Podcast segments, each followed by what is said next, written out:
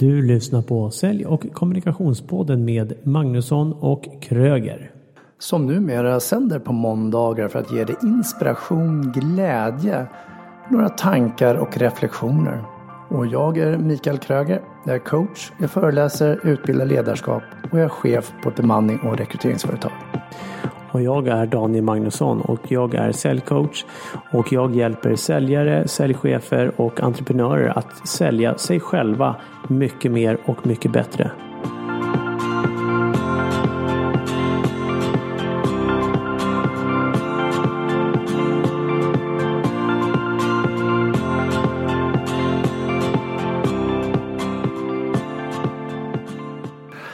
Välkomna till avsnitt 50. Att du säger något med ett hur, det är dagens ämne. Vi har med oss före detta journalisten som älskar storiesar bakom fasaden, den inre människan och har alltid haft ett intresse för psykologi och relationer. Hon är utbildad coach och KBT-terapeut och arbetar idag med föreläsningar och workshops. Hon är stolt över sin egen utveckling både företagsmässigt och på det personliga planet. Och med oss i studion idag har vi KBT-terapeuten, ledarskapscoachen, föreläsaren som expert på relationer och kommunikation. Hjärtligt välkommen Jacqueline Jo. Tack snälla! Det är härligt att vara här. Vi har en väldigt bra kemi. Känner ni inte det? Jo, det är skönt, skönt, att vi börjar med kemin direkt. Ja, det är det viktigaste. Ja, det är så. Mm, Varför är det det viktigaste då? Eh, nej men jag tänker första intrycket. Det är ju inte det som eh, folk tänker. Utan det är ju framför allt att vi söker trygghet och tillit till andra människor. Så även om vi bedömer folk fort, bara på ytan, så bedömer vi också folk, alltså internt, ganska snabbt, skulle säga andra delen av första intrycket. Och det sätter ju sen ribban för hur vi ska kunna kommunicera och umgås med varandra. I alla fall fram tills det sker någon förändring, någon eh, brytpunkt. Så jag känner att den ribban satte vi redan när jag klev innanför den här dörren. Och det känns i det här rummet. Vad skönt, tänker jag. Härligt, jag blir lite så här varm och, och glad. Ja. Eh, men då tänker jag direkt på så här, första intrycket brukar ju bestå, säger ju en del myter mm. och påhitt eller valda sanningar. Mm. Och du får inte en andra chans att göra ett första intryck. Hur tänker du kring det? Eh, jag tror inte på att det består. Jag tror att eh, det, första intrycket är ju känslomässigt. Eh, vi bedömer ju folk, är du, alltså kommer du att hjälpa mig eller kommer du att skälpa mig? Alltså är du ett hot eller är du någon jag kan lita på? Det är det första vi tänker på, det är ju en känslomässig koppling som sker. Men eh, även om vi får en liten dålig vibb i början så kan ju det där snabbt gå över. Om vi då tänker att men det kanske handlar om att någon är lite osäker eller nervös eller Eh, stressad. Det finns ju andra saker som gör att vi kanske inte är så här i perfekt balans när vi möter nya människor. Och då, det måste vi lägga till och då tror jag att det här äh, första intrycket inte alls blir bestående utan det kan vi ändra. Så länge inte det liksom varar, den här osäkerheten eller att vi inte riktigt kommer på rätt fot med varandra under en längre tid. Sen hur fort det går, det tror jag är väldigt individuellt. Jag brukar tänka så här, ähm, fake it until you make it. Mm. Uh, när du kom in här i våran studio när vi skulle spela in så kom du in som ett glatt yrväder. Bara hej hej och jätteglad och så här. Du kändes ju varmt direkt i, i det mötet. Mm. Uh, hade du kommit in istället och sagt ja hej det här var ju spännande liksom. Då hade vi haft en annan start på relationen i alla fall. Så Exakt. det var lätt att smittas av och hänga med i det positiva. Uh, och där tänker jag, men var positiv. Fake it until you make it. Ja, men det är precis som eh, enligt socialpsykologiska regler inom citattecken så är det ju så här, det du ger är det du får tillbaka. Eh, och det är ju en livsfilosofi som jag lever väldigt mycket efter i mina relationer. Eh, sen gör alla människor misstag, men bara du kan stå för dem så kommer folk tycka om dig ändå. Eh, men tänk på att det du sänder ut, det är ju också det du får tillbaka. Så att om du går och handlar, ibland kan jag tänka jag har en ganska dålig dag och så tycker jag gud vad alla är otrevliga när jag handlar, expediter och jag tycker att mina kompisar är inte så schyssta som de brukar vara, mötena går inte lika bra. Okej, men jag har ju en del i alla de här mötena. Så vad är det jag skickar ut idag? Det är någonting som inte är det jag brukar skicka ut. Så det börjar ju med mig själv. Och hur skapar du snabbt tillit då när du träffar en, en ny person? Vad är ett bra tips där? Det vi söker är ju framförallt pålitlighet. Att det vi säger går i linje med hur det ser ut när vi säger det. Jag är ju väldigt intresserad av det här med ansiktsmimik. Eh, vi uttrycker ju våra känslor via vår ansiktsmuskulatur. Och om, du, om det inte matchar, alltså ditt ansikte, de känslorna med ditt kroppsspråk. Om det inte matchar med det du säger, då kommer tilliten inte alls att finnas där från början. Så att, och, och det, jag tycker att det har varit väldigt upphåsat det här med kroppsspråk och nu är det väldigt aktuellt. Och jag föreläser ju också om kroppsspråk som en del i mina föreläsningar. Men jag tycker att mimiken, alltså uttrycket i ansiktet, det är mycket, mycket viktigare för det läser vi av först. Och det läser vi av redan vid ett första intryck. Eh, så att vi behöver, vi kan inte säga något glatt och se lite misstänksamma ut eller titta folk i pannan som kan vara ett tecken på liksom att trycka ner någon, visa makt. Och, exakt, som Daniel gör här nu på mig för att se om det funkar. Ja, inte för att ge makt. Nej. Skapa makt. Ja. Varför är det så otrevligt Daniel att titta ner i pannan? ja men stämningen var alldeles för god så jag ville ändra den lite. Men, eh, ja, jag tänkte på, och det, det är mikrorörelser? Mikro ja, mikrouttryck. Och det är någonting som man måste träna upp för att läsa av. Det finns ju en fantastisk forskare i USA som heter Paul Ekman som jobbar med det här. Och jag vet inte om det är någon av er som har sett den här tv-serien Lie to me. Just det, ja, jo, jag ja, såg den. Den går på Netflix och är en av mina favoriter. Ja, det är också en av mina favoriter. Och den är ju byggd på Paul Ekmans forskning. Det är just de här mikrorörelserna som inte går att fejka om jag har förstått det rätt. Exakt. Ni är ju pålästa, vad härligt. Eh, vi kan ju fejka. Jag har hört det någon gång tidigare i alla fall. Ja. Just. För när, säg att vi fejkar ett leende, eh, liksom, ja men bara någon millisekund innan det där leendet går på så gör du det uttrycket som du egentligen vill, alltså mm. det instinktiva uttrycket. Du visar lite rädsla och sen ler du. Eller du visar lite förakt genom att ta upp läppen lite och sen ler du. Eh, och är man, problemet är så här, om man är bra på det här så blir det väldigt jobbigt för att man känner att det blir eh, i relationer, alltså kontraproduktivt. Förstår du? Jag, eller jag tänker hela tiden att okej, okay, men det här, det han sitter och säger nu, det stämmer inte. Sitter jag och tänker då. Och då, apropå tillit, då känner jag ju så nej men jag känner ingen tillit för Daniel eller Micke. Um, Mikael går bra med CH. Mikael, okej, okay, förlåt. Jag hittar på ett eget smeknamn. Ja, det är helt okej. Okay, men... Jag tänkte att vi var bundisar nu. ja, precis. Nu ska vi hålla lite distans i relationen. Vi har inte hunnit dit än. Jag såg läppen råka upp i ett förakt. Ja, det var det. men vi har, vi har ju någonstans i storleksordning mer än 90 muskler i ansiktet. Eh, det går åt färre att vara glad, har jag läst den forskningen, vad det går åt att vara arg och irriterad.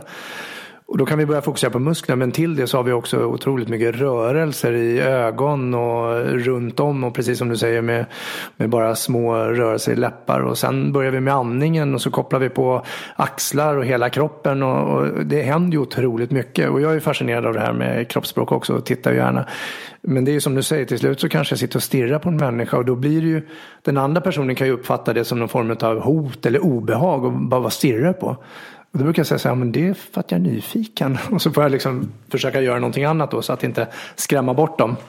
Exakt, men det är ju så intressant. Jag tycker om att iaktta. Även om jag är, är till synes extrovert så gillar jag, om jag kommer in ny i en grupp, då vill jag känna av den gruppen.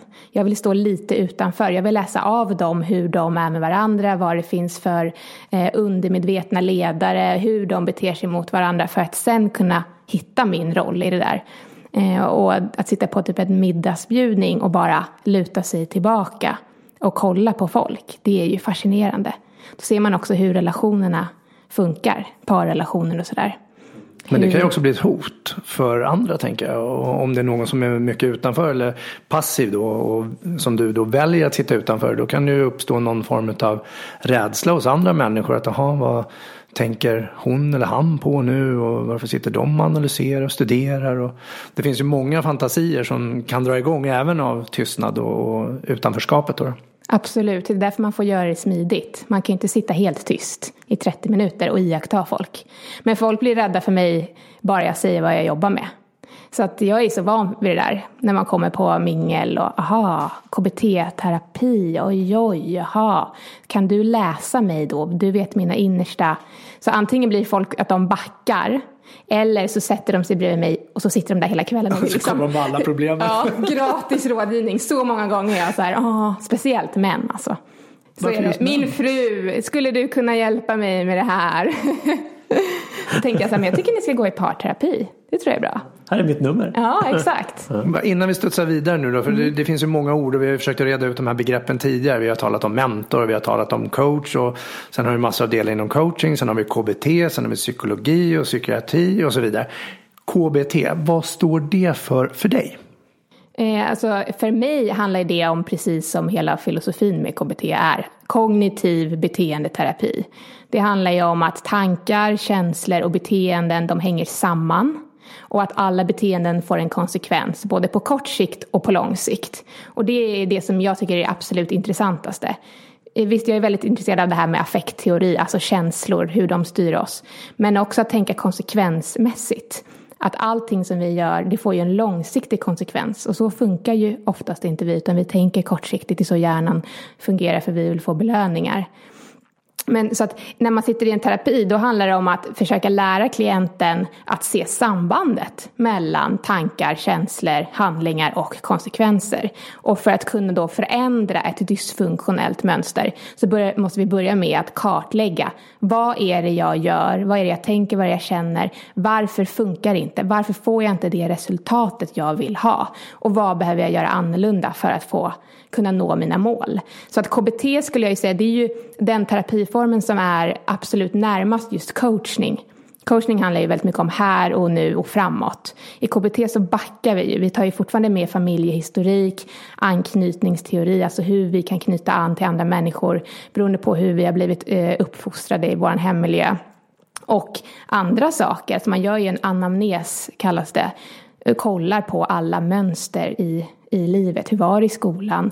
Hur var det att söka jobb? Hur har det påverkat dig? Har du några trauman? Så det börjar man med och sen, för då har man en grund. Och det är det jag gillar med KBT, att den är djupare. Coachningen är jättebra. Jag är rädd för det här. Nu redde vi ut det eller jag testar, jag ska tala inför folk eller något. Men om man vill ha en bestående förändring och när, när det kommer till relationer då behöver man backa till barndomen. För vi är ju faktiskt en produkt av allt vi har varit med om. Hur klyschigt det än låter så är vi det. Eh, men sen är KBT målfokuserad och problemlösande. Det är det jag gillar. Alltså jag gillar ju förändring. Det är det jag går igång på. Jag känner bara jag säger ordet så blir jag ju helt tänd liksom. Trivs du inte, mår du inte bra, ta tag i saken. Men gör inte förändringen förrän du vet vad det är som är problemet. Exakt, och jag tänker ordet förbättring. Ja. Istället för förändring. För förändring skrämmer många gånger medan förbättring kanske verkligen talar om vad, vad skälet är till, till förändringen. Mm, det var jättebra. Jag ska ta med mig det. Ja, för jag kan ju redan vara bra på någonting och jag kan ju förbättra det också. Så det behöver inte vara en hel förändring som du säger. Nej, men man kanske behöver en liten förändring för att få en förbättring. Ja. Tänker jag då. Ja, och för att få nya resultat. Mm.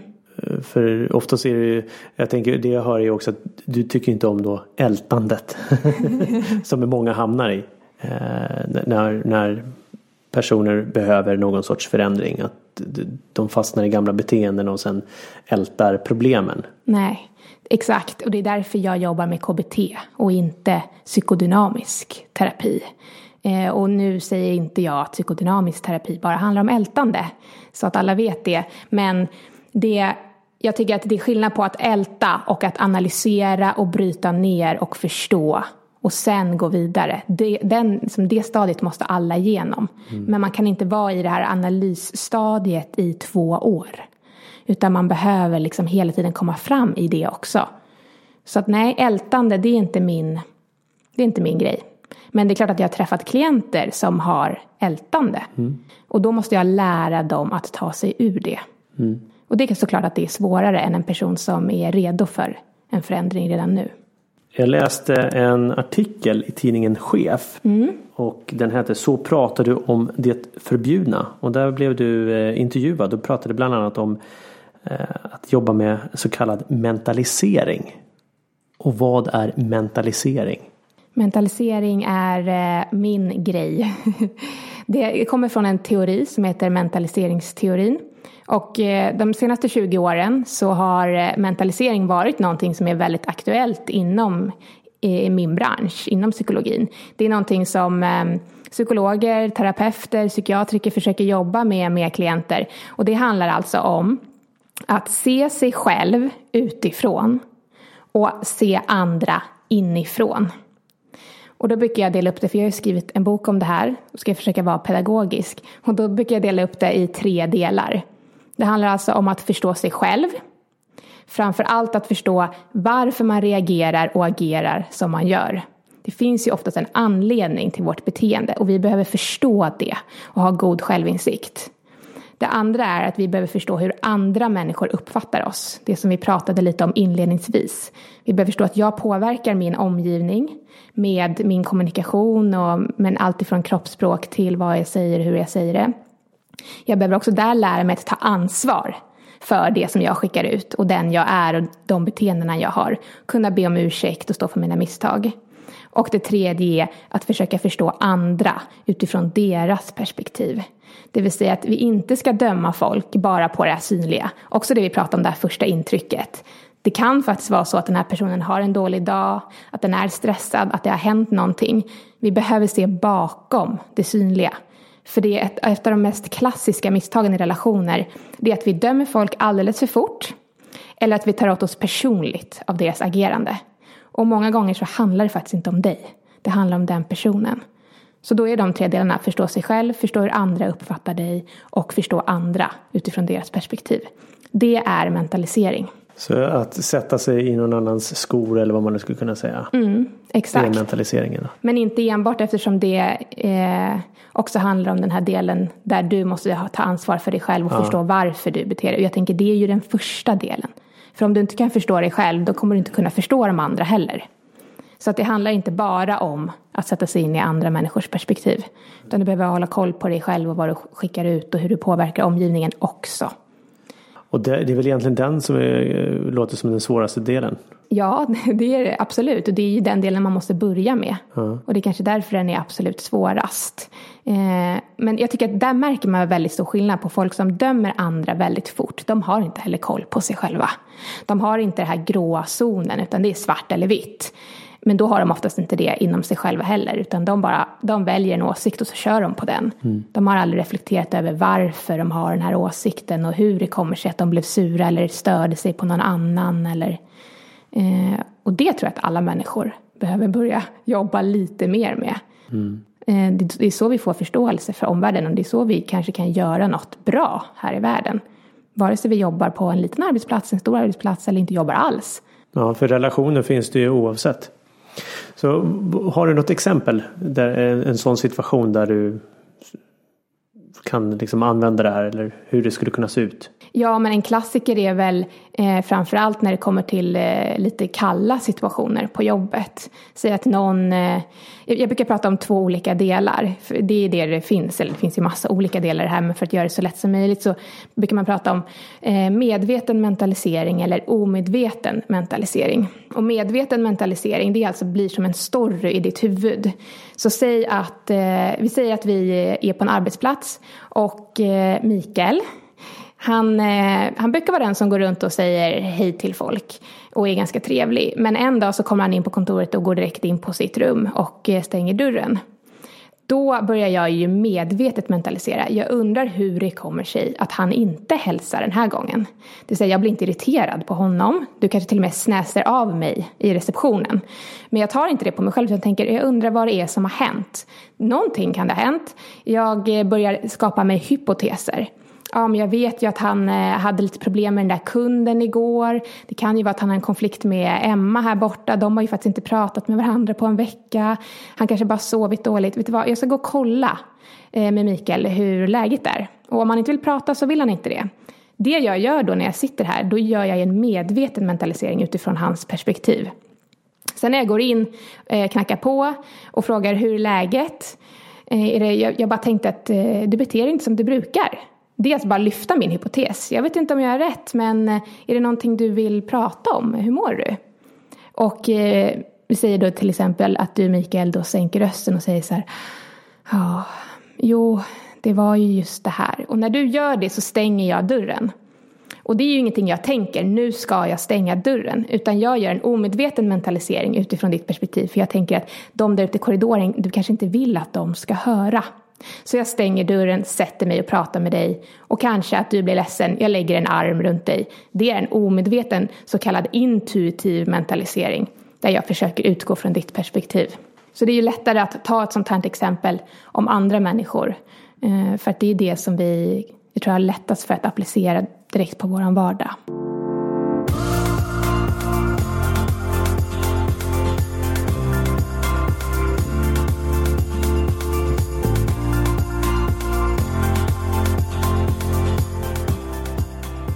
Och i den här artikeln så pratar vi också om just att lyfta den rosa elefanten. Mm. Man ville prata om den rosa elefanten i rummet. Exakt.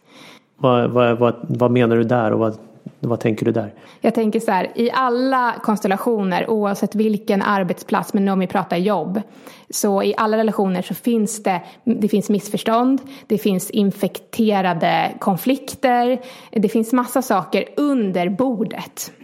Vilket man också kan lyfta som, det finns massa rosa elefanter som springer omkring på hela Sveriges alla arbetsplatser. Så är det. De är överallt. Och de är stora och de är små och de finns, men vi låtsas inte om dem. Det är spänningar. Det kan ha varit att någon har bara skickat ut en pik eller någon har sagt att ah, jag tog den här kunden före dig. Eller det kan handla om vad som helst som gör att de här elefanterna poppar upp.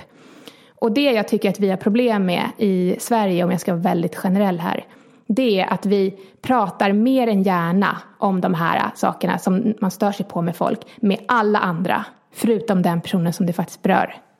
Så när man, när man sitter där i ett möte och det finns en elefant här, det är någonting som vi har stört oss på. Det är någonting som, nu tar jag dig som exempel då, mm. Daniel. Ja. Jag blev rosa. Precis. Men du har sagt någonting till mig. Vi har haft en liten ehm, inte en konflikt, men det är syrligt i, mellan oss, så ska vi ändå sitta här och försöka samarbeta. Och så låtsas vi inte som att det har hänt. Det kanske var någonting som hände på våran after work eller det kan ha hänt när som helst. Vi känner. Det här är alltså bara teori här. Ja. Det har inte hänt på riktigt. Ja. Eh, och så, men vi ignorerar den. Mm. För att vi är ju så konflikträdda. Och så ska vi försöka samarbeta. Och det här samarbetet kommer inte bli genuint. Det kommer inte bli bra. Vi kommer inte kunna prestera så bra som vi skulle kunna. Om vi bara säger du, nu ska vi göra projektet, nu ska vi jobba upp. Jag måste bara det här som hände på den här afterworken om vi tar exemplet. Så här upplevde jag det, hur upplevde du det? Ska vi bara diskutera den här saken? Eh, och om vi kan komma fram till någonting konstruktivt ur det då kommer vi, jag lovar er att då kommer vi prestera betydligt mycket bättre i det här samarbetet som vi ska ingå. Mm. För då spräcker vi bara hål på den där, precis som på en ballong. Och så gick den ut där, försvann den. Och om vi tar de dusterna inom citattecken hela tiden när de kommer, då blir det inte stora konflikter och iskallt och jag kan inte jobba med den och jag trivs inte där. För det är så det funkar tror jag, att folk de vantrivs så mycket så till slut så säger de upp sig istället. Mm. Eh, och man vill inte springa till chefen och skvallra om att vi har lite problem eller Nej, och jag tror många gånger så när det där lyfts så kan det nog bli så här, åh gud vad skönt att det där togs upp. Exakt. Och framförallt är det väldigt skönt när det är över, förhoppningsvis. Eh, däremot så kan jag tänka mig att många då kan hamna i den här situationen. Ja, nej men det där var inget, jag, jag skojar bara. Nej men det är lugnt, jag, jag, jag tog inte åt mig eller vad det nu är. Mm. Eh, och det är nog lätt att ignorera och då är det nog väldigt lätt på andra sidan att säga okej, okay, ja men vad bra. Mm, då var vi klara med det. Mm. Men då är det viktigt att du förmedlar dina känslor. Du måste vara förebilden i det här samtalet. Du kan inte ta ansvar för den andra personen, hur den kommer reagera om den ens kommer bemöta dig. Det kommer du aldrig kunna göra jag skulle aldrig kunna stå och lära ut folk att ta ansvar för andra människor och att vi ska påverka dem. Det, är ju, det funkar ju inte. Men jag tar ansvar för mitt. Och om du väljer då att vifta bort det där, mm. vilket är en klassisk skambeteende egentligen, eh, då är det upp till dig. Men då kan jag säga så här, okej, okay, men, men det är okej. Okay. Jag ville bara förmedla och jag känner så här, så att jag fortfarande står kvar i min tyngdpunkt och inte säga nej okej, ja gud vad bra, ha ha ha. Att jag går in i samma beteende som du har. Det är det jag inte ska göra. Utan då säger jag så här, okej men om du känner så så är det fine. Men jag tyckte att det här var viktigt att prata om. Det här vill jag ta upp. Och jag hoppas att det här kan hjälpa oss framåt. Mm. Och det, är, liksom, det betyder inte att det kommer att bli perfekt. Men jag tror att den andra personen blir lugnare då. Ja, då har ju du i alla fall målat halva elefanten blå. Om det nu är den som är ordinarie färg. Ja, exakt. Ja. Och det Ja. finns ju två saker som leder till utveckling i relationer. Nu pratar vi om företag mycket. Vi Mm. kan ju även ta privatrelationer med vänner och ja, partnerrelationer också. Och Det, det handlar om feedback. Ja. Och det handlar om att våga ta i konflikterna slash friktion. Mm. Eh, jag jobbar som UGL-handledare. Vi pratar mycket om konflikter. Och jag gillar ju ordet konflikt. För bara det ordet kan ju skapa en obehagskänsla och konflikt inom mig och med andra. Eh, och vill vi måla ner den, ja, då kan vi säga friktion. Det skulle kunna vara ett alternativ. Så när vi nu kommer in i de här friktionerna, då behöver jag ju stå för mina känslor. Det är så, jag är alldeles fascinerad när jag sitter här och lyssnar. Jag bara, ja, ja, ja. Och så tänker jag, men det är ju lätt att säga. Det är ju busenkelt. Jag står ju och mässar om det här på mina utbildningar, föreläsningar och när jag coachar. Och sen när jag väl sitter där själv då. Och jag brukar ju säga det också, att jag älskar konflikter. När andra människor har dem, när jag får vara med och medla och när jag får jobba med dem. Men när jag själv har dem, då beter jag mig som, ja, kallare aphjärna då. Alltså jag går in i den där känslan så sitter jag där och småmuttrar för mig själv. Så, mi, mi, mi, mi, mi. Och så blir jag precis som många andra blir. Och sen kanske jag inte vågar ta upp det heller just utifrån rädslan av att kanske tappa ansiktet eller bli utesluten. Och som du även sa med, med skammen då. Så vad har du för tips? När jag sitter där i den här känslan just i stunden. Och jag skulle vilja säga men det kommer ingenting. Då, då skulle jag säga först, det beror på om den känslan är ny eller gammal. För en ny känsla, eh, alltså ilska eller någonting som man vill uttrycka, det är någonting som vi behöver mentalisera först själva kring. Alltså backa. För mentalisering är också som ett stoppverktyg så att vi inte bara agerar i, affekt. Utan ett sätt för oss att få självkontroll över vår emotionella del. Så då skulle jag, om den är ny skulle jag säga, okej men andas, om du kan gå undan. Fundera varför känner jag så här? Hur kommer det sig att jag känner så här? Vad är det den andra personen har för del i det här? Vad har jag för del i det här? Och sen kan du ta en konstruktiv diskussion ut efter det. Har du redan gjort det här? Och sitter där och fortfarande tycker att det är jobbigt. Då är det ju väldigt intressant. Handlar det bara om mod eller vad handlar det om? Vad är det som gör att det stoppar dig? Det är ju också en väldigt intressant grej att säga, eller att tänka om sig själv. Vad stoppar mig här? Är det den andras reaktion? Eller är det att jag inte riktigt vet vad det är jag ska säga? Men då brukar jag säga, eh, men om du tycker att det är så himla svårt, skriv det då. Du behöver inte säga det. Skriv ett sms. Skriv ett mejl. Skriv en lapp. Vi är väldigt, väldigt eh, fokuserade på att vi måste mötas öga mot öga och prata speciellt om det som är svårt. Du vet, man får ju absolut inte säga saker på sms som är viktigt. Det, det köper inte jag. Jag tycker att det viktigaste är att det sägs. Eh, och sen att det sägs på ett bra sätt. Och då behöver inte vi fastna i öga mot öga, för det väcker ju spänningar. Utan då är det väl bättre att säga det i ett mejl till att börja med, om man känner att man hela tiden gång på gång fastnar. Men då ska man ha rätt ut varför fastnar jag och varför känner jag så här först. Men annars bara säg det, bara det kommer ut. Det tycker jag är det viktigaste. För eh, alla vet ju hur svåra diskussioner är att ta överlag. Ska vi ta de absolut jobbigaste, de som väcker skam inom mig, när jag inte har tränat och så ska jag göra det face to face. Det är ju att ställa ganska höga krav på sig själv. Jag brukar rekommendera walk and talk. För då slipper vi se varandra i ögonen just under de här känsliga stunderna. Jättebra, det där är ju också ett jättebra tips. Gå ut på lunchen liksom, eller på kvällen och ta det samtalet där. Sitt inte med ett bord emellan er. Men nu sa du sms och mail och så får jag upp så här bilder av att måste ju älska smileygubbar. Men de är också tolkningsbara. Det blir ju om jag skriver någonting i en affektion och så läser jag igenom det och så men gud det är precis det här jag menar. Och så trycker jag på sänd. Och så kommer den andra och så får jag tillbaka, ja vadå då, du då, eller någonting. Och du, för det finns ju mycket tolkningar också. Så att det bästa är väl egentligen att möta. Sen kan ju det vara en jobbig situation. Eh, men som du säger, träna och träna. Absolut. Det är klart att det optimala är att mötas. Men om man har svårt för det så tycker jag att det är viktigt att man tar ett litet steg framåt. Och är ett sms ett steg för mig och min utveckling så är det bra. Eh, men är jag en person som kan möta andra och ta upp sådana saker då ska jag inte backa till den kommunikationen. Och där måste man ju tänka på hur man uttrycker sig. Där måste man vara väldigt ödmjuk när man skriver i text. Och vara öppen för att jag förstår att det finns tolkningsmöjligheter, jag förstår att det kan bli missförstånd. Jag vill bara att det här ska vara en start. Vi kanske kan prata om det här. Mm. Så skulle att jag kunna... Att du öppnar upp det så ja. ja. Så mjukt i början. Ja. Och behöver inte äta upp hela elefanten på en gång kanske. Utan Nej, du kan exakt. ta det i en små tuggor och träna helt enkelt. Exakt. Egen medvetenhet och egen mentalisering. Men det jag bara också vill tillägga är att man behöver inte lyfta, det räcker med att bara ställa en fråga, bara så här, men hur menar du nu? För ibland tar vi ju åt oss, att det blir någon så här lite undertryckt konflikt fast den är inte uttalad. För att du då Daniel har slängt ur i någon pik på den här afterworken om kunden som jag förlorade eller vad som helst. Men då kan jag säga så här, men du hur menar du nu? Hur kommer det sig att du säger så?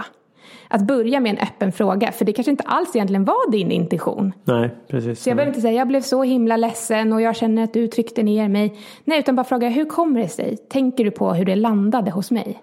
Nej, då behöver det inte heller bli en lika tung diskussion. Och kan man lära sig att göra det i stunden, det är ju liksom målet. Mm. Att när du slänger ur en pik och jag känner, aj, det där gjorde ont. Att inte gå i försvar eller till attack eller bara liksom trycka ner det, utan att säga då, Jaha, men hur kommer det sig att du säger så? Var kom det där ifrån? Nu noterade jag att när, precis när du sa det så rynkade du ögonbrynen lite ja. grann och då skulle det bli så här, hon arg.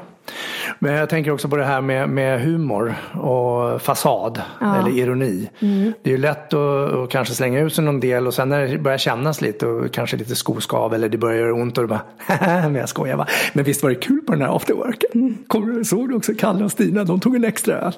Det, det är så lätt att, att gömma sig bakom den biten. Uh, och jag har ju själv uh, lärt mig att leva på det sättet också. Den här perfekta putsade fasaden, uppväxten. Det var aldrig något problem och var det problem då skrattade vi och la in humor och hade jättehög mur. Mm. Apropå mur eller fasader. Men, men, och gömde mig bakom den ända till den började krackelera. Jag började inse att men, känslorna behöver komma ut. Så jag har ju själv fått träna på mina egna känslor. För jag har inte vetat vad, vad, vad betyder det då.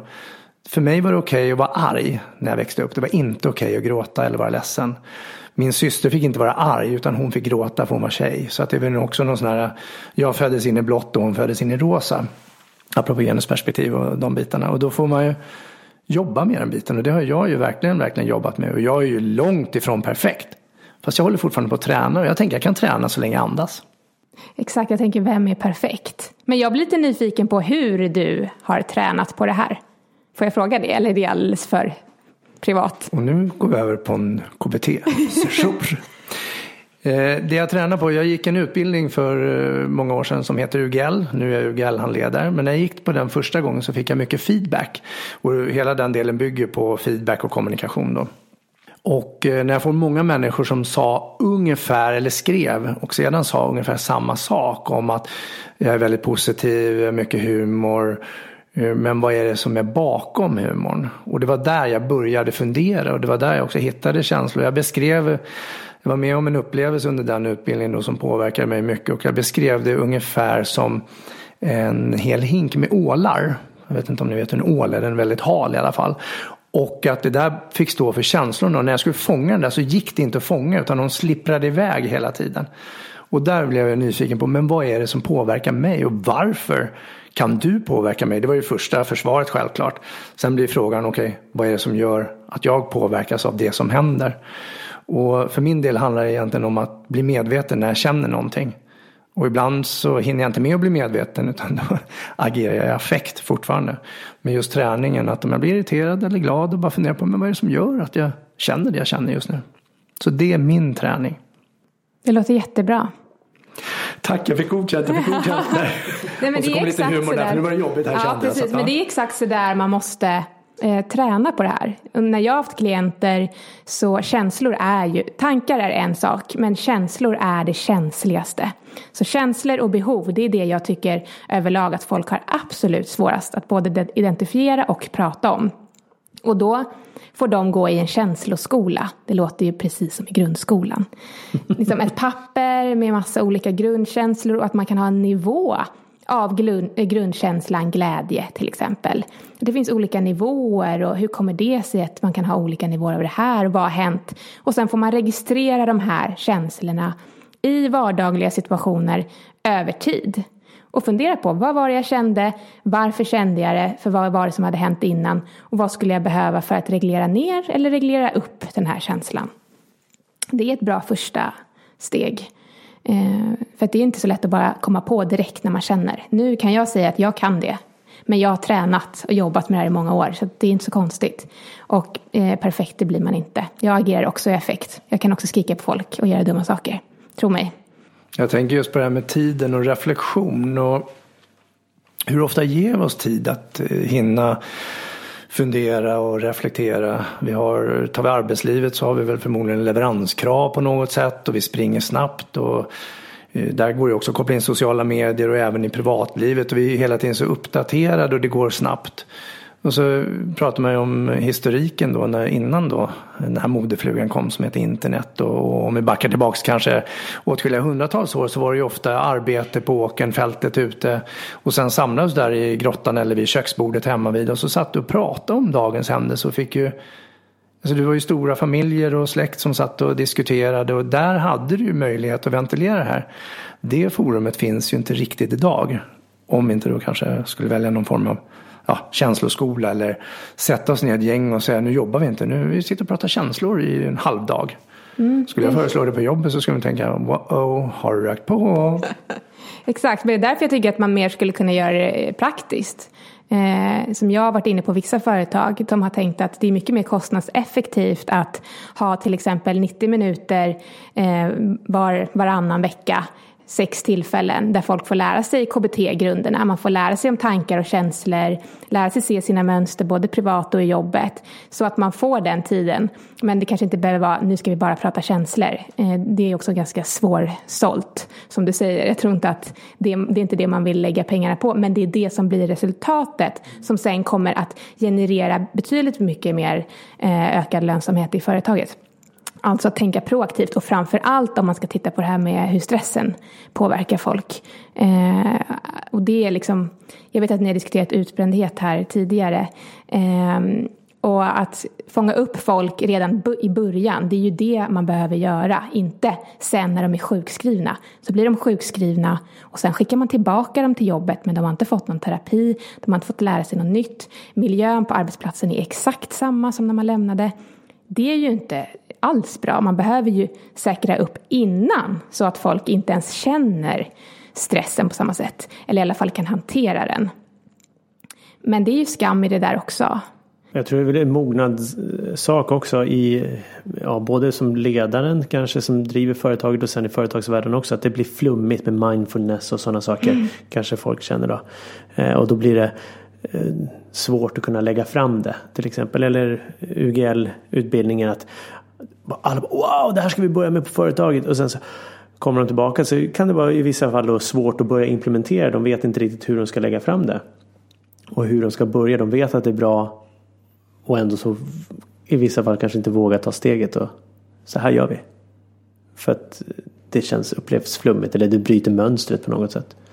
Men varför inte bara bryta ner det? Eh, alla kanske har någon typ av eh, liksom veckomöte varför inte bara avsätta 60 minuter vid det där veckomötet där vi pratar till exempel KBT. Det är därför folk gillar sådana här terapiformer som är väldigt konkreta. Det ska komma någonting ur det här, vi ska inte bara sitta och ventilera så. Ja, precis. Eh, men, men det kan ju hjälpa. Det hjälper ju varje individ och det kommer ju hjälpa gruppen. Men man behöver inte göra det så stort. Eller ta liksom frukostmötet 30 minuter måndag varje vecka. Så lyfter vi en del och så får man med sig någon liten uppgift man ska göra till nästa gång. Det behöver ju inte vara så himla avancerat. Det är ju problemet tycker jag, att man gör det så stort. Vi har ju inte tid, säger de.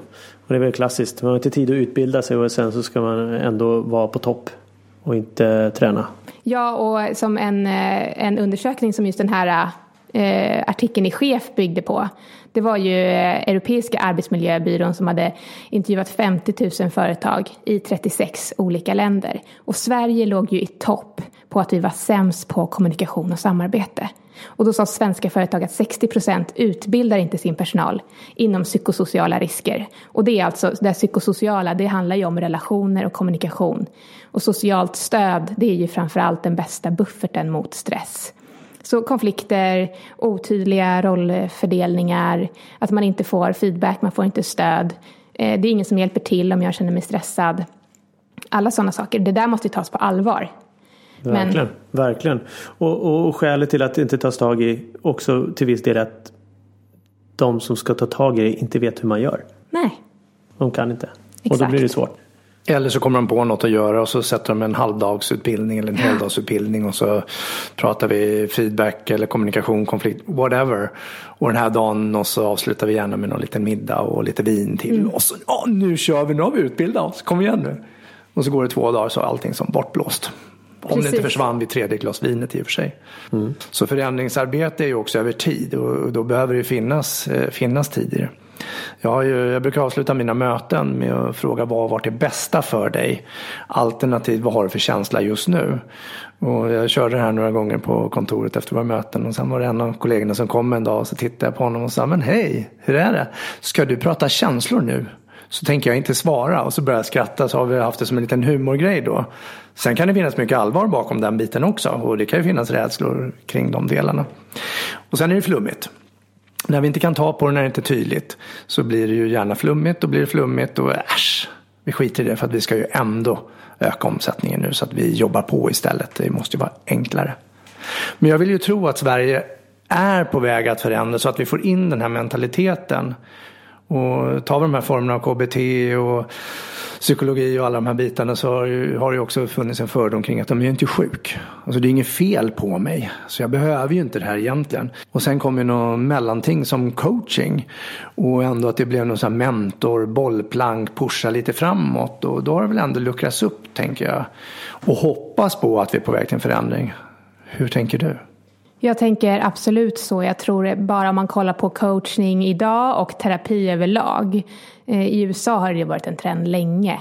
Men jag tycker att om jag ska kolla på de klienter jag jobbat med, de företagen jag jobbat med, så är man mycket, mycket mer positivt inställd. Och man förstår att det handlar inte om att personalen eller att jag är sjuk. Det handlar om att jag inte vill bli sjuk. Det handlar om att jag vill bevara min hälsa, det handlar om att jag vill må ännu bättre prestera ännu bättre och kunna maximera min vardag, både privat och på jobbet.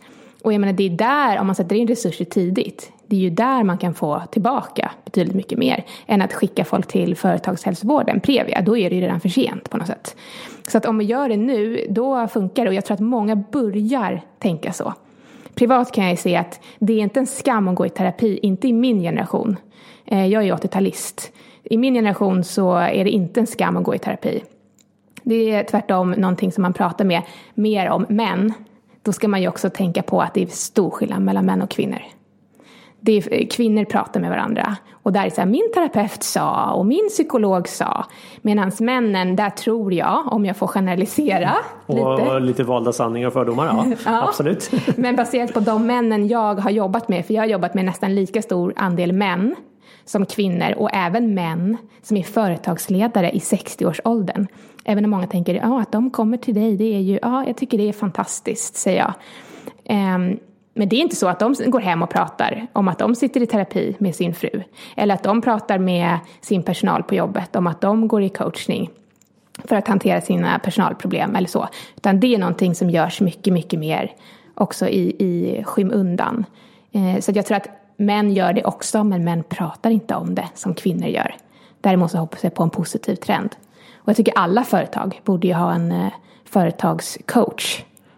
Mm, verkligen.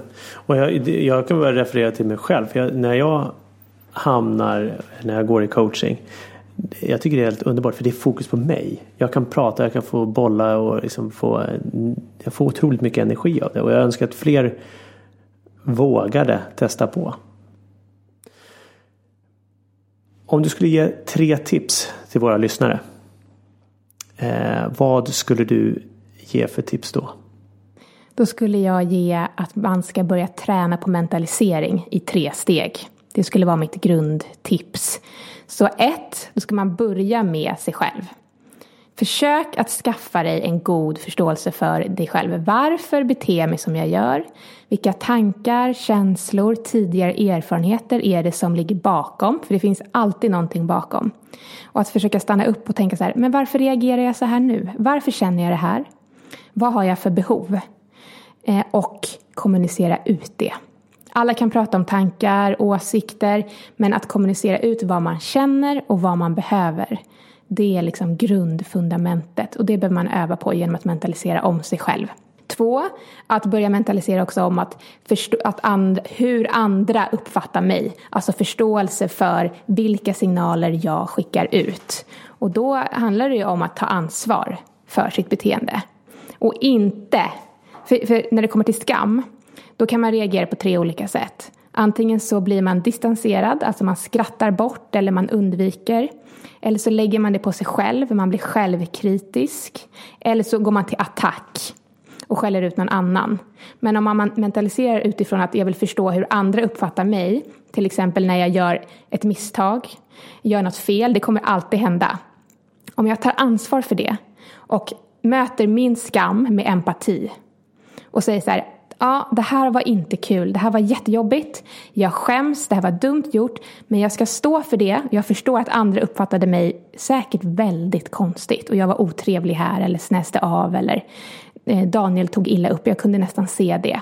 Då går jag tillbaka och säger så här, Daniel, jag är ledsen, jag ber om ursäkt, jag står för mitt misstag. Jag hoppas att jag aldrig mer kommer att göra om det.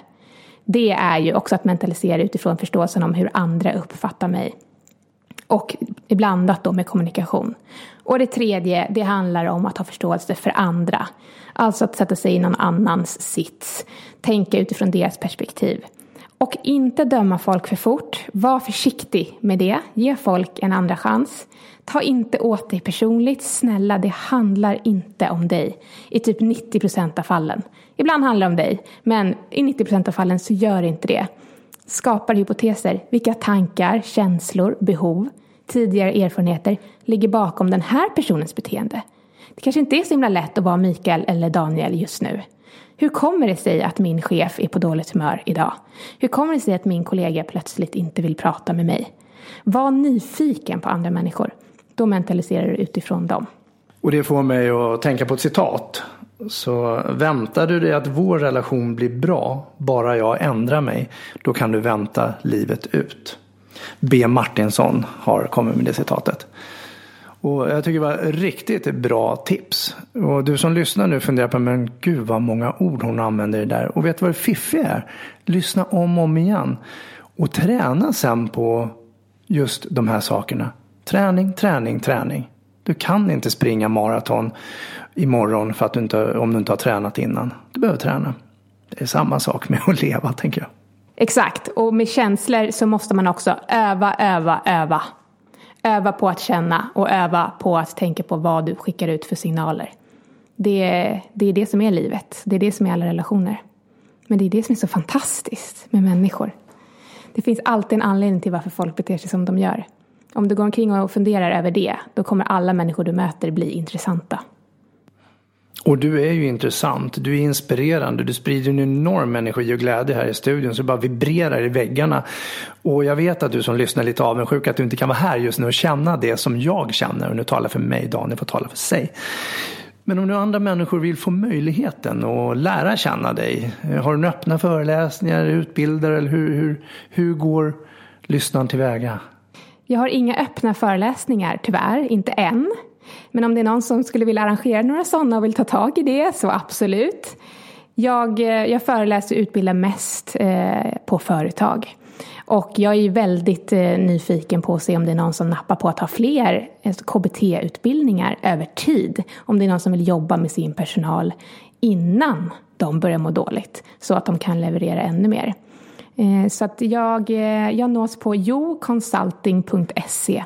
Det är min sajt. Så där kan man gå in och kika på alla olika föreläsningar. Och då föreläser jag om relationer, kommunikation och samarbete och stresshantering. Det är mina ämnen. Och där får man både mentalisering och eh, personlighetsanalysen DISK som jag också jobbar med. Och det ska vi prata om i flera avsnitt tidigare. Det har jag hört. Eh, så att eh, du kommer hitta länkar och information om var vi hittar dig någonstans på vår Facebook-sida och magnussonkroger.se. Mm, det är härligt. Jag, jag känner mig lite så här, det är nästan lite som julafton. Jag känner mig alldeles glad och lycklig. Det här kommer bli en fantastiskt bra dag. Eller rättare sagt, jag väljer att resten av dagen ska vara fantastiskt bra. Då gör jag det också. Energin här kommer jag att eh, leva på en vecka. Inte bara en dag. Så nu slog jag dig. Vad ska du göra för att slå mig tillbaka? Nej, men jag tänker på dig som lyssnar. Det är måndag. Ta nu hennes utmaning och håll den här energin under en vecka och träna. Och sen när du kommer till helgen, när du sätter på din mysfredag eller myslördag, vad du nu gör. Saldera veckan och se, vad har du lärt dig? Har du lärt dig några nya känslor? Har du hittat någonting som är helt så här, wow, surprise? Eller är du som du alltid har varit? Daniel. Säger tack så mycket och ha en fantastisk vecka. Och tack Jacqueline att du har varit här idag. Tack för att jag fick komma. Ha en ball vecka och kör hårt.